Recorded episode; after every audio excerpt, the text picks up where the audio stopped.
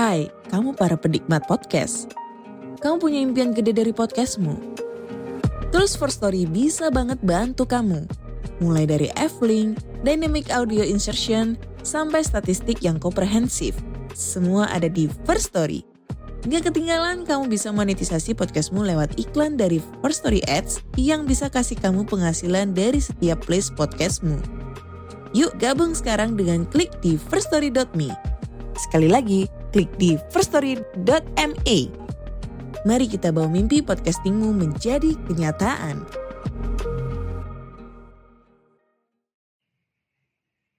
Sebagai seorang muslim, kita mungkin sudah tahu bahwa salah satu syariat berhaji adalah melakukan sa'i di antara Bukit Safa dan Marwah. Tapi apakah kamu sudah tahu apa makna sa'i itu sendiri? Dan kenapa bukitnya bernama Safa dan Marwah ya? Sebelum ke sana, memang apa tujuan dari sa'i itu dilakukan?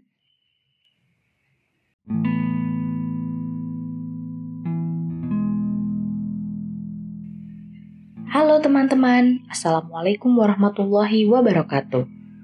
Apa kabar? Senang bisa menyapamu kembali lewat podcast cerita sejarah Islam ini. Kali ini, bersama saya Nabila, kita akan berkelana kembali ke masa lalu yang mengisahkan ketegaran Hajar dan keluarnya air zam-zam. Mari kita mulai ceritanya.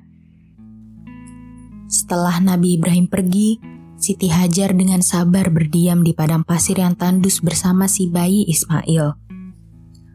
Lalu Hajar mulai menyusui Ismail, serta makan dan minum dari bekal persediaan. Ketika bekal yang ditinggalkan Ibrahim telah habis, Ismail yang ketika itu masih menyusu tak henti-hentinya menangis. Si kecil Ismail kehausan, sementara air susu ibunya telah kering. Hal ini membuat Siti Hajar makin kebingungan.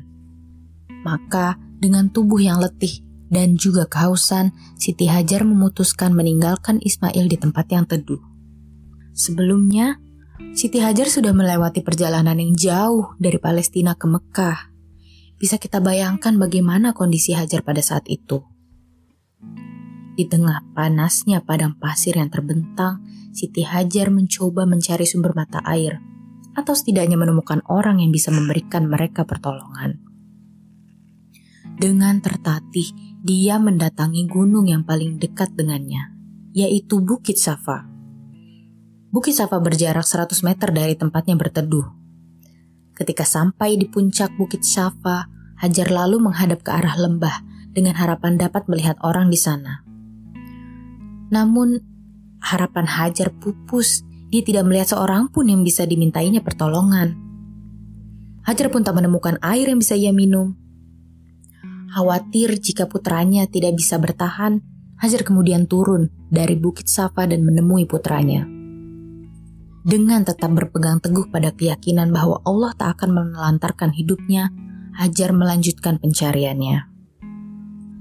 Kali ini, Hajar mendaki Bukit Marwah bukit terdekat kedua yang berjarak kira-kira 350 meter dari tempat Ismail berbaring. Namun lagi-lagi, harapan Hajar tinggal harapan.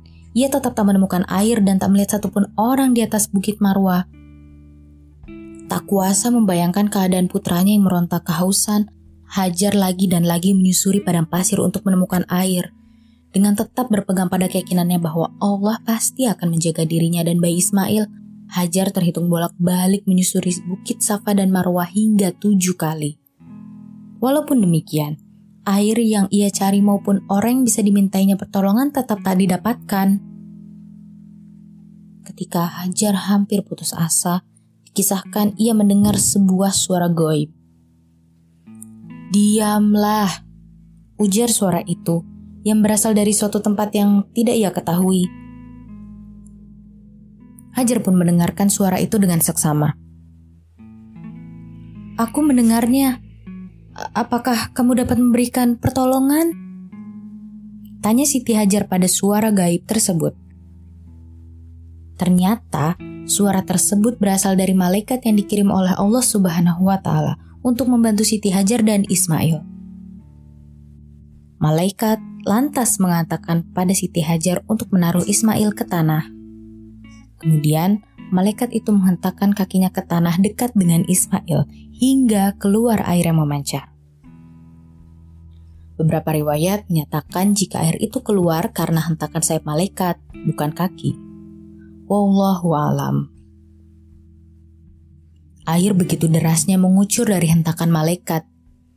Tanpa pikir panjang, Siti Hajar pun membendung air itu dengan menggunakan tangannya hingga membentuk kolam kecil dan mengucapkan zam zam zam zam yang artinya berkumpullah berkumpullah tak menunggu lama Hajar, lalu minum dengan air itu dan menyusui Ismail. Di saat itu, malaikat berkata, Janganlah engkau takut disia-siakan karena di tempat inilah Baitullah akan direnovasi oleh anak ini, Ismail, dan ayahnya, Ibrahim. Sesungguhnya Allah tidak akan menyia-nyiakan keluarganya.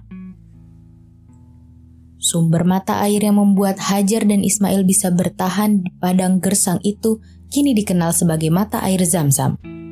Sejak saat itu, sumber air zam-zam terus mengalir hingga saat ini.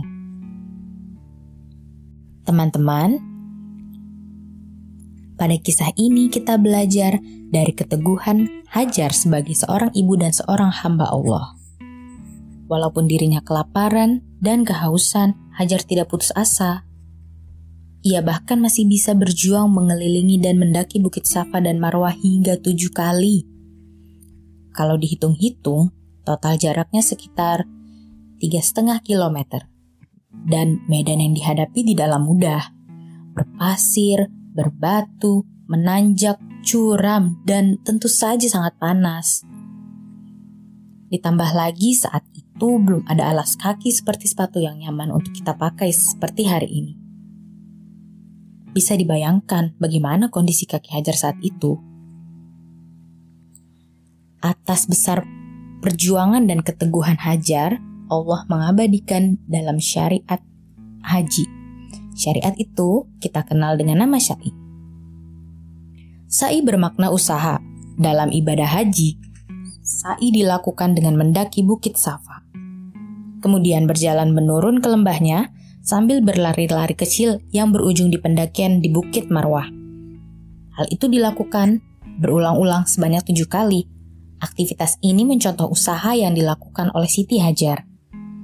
Hal tersebut juga mencerminkan medan usaha manusia, kadangkala berbukit yang tinggi dan lembah yang dalam. Kadangkala juga memiliki tempat pendakian terjal dan lembah yang curam. Semuanya merupakan ujian dan nilai dari hasil upayanya. Lantas, tahukah kamu mengapa bukitnya bernama Safa dan Marwah? Safa berarti suci dan tulus, yang mengandung makna bahwa semua usaha hendaklah dimulai dari bersih, suci, dan semata-mata karena Allah. Dengan memohon hanya pertolongan Allah dan hanya mengikuti cara serta petunjuk dari Allah. Marwah mengandung arti harga diri, yang membawa arti nilai diri pribadi, keluarga, harta, dan agama. Itulah makna sebenarnya dari sa'i atau usaha yang dilakukan manusia, yaitu berupa daya upaya atau ikhtiar yang dilakukan antara lembah dan dua bukit di antara keikhlasan, tosafa, dan harga diri atau marwah manusia. Sekian cerita sejarah Islam pada episode kali ini. Sampai jumpa di episode selanjutnya. Assalamualaikum warahmatullahi wabarakatuh.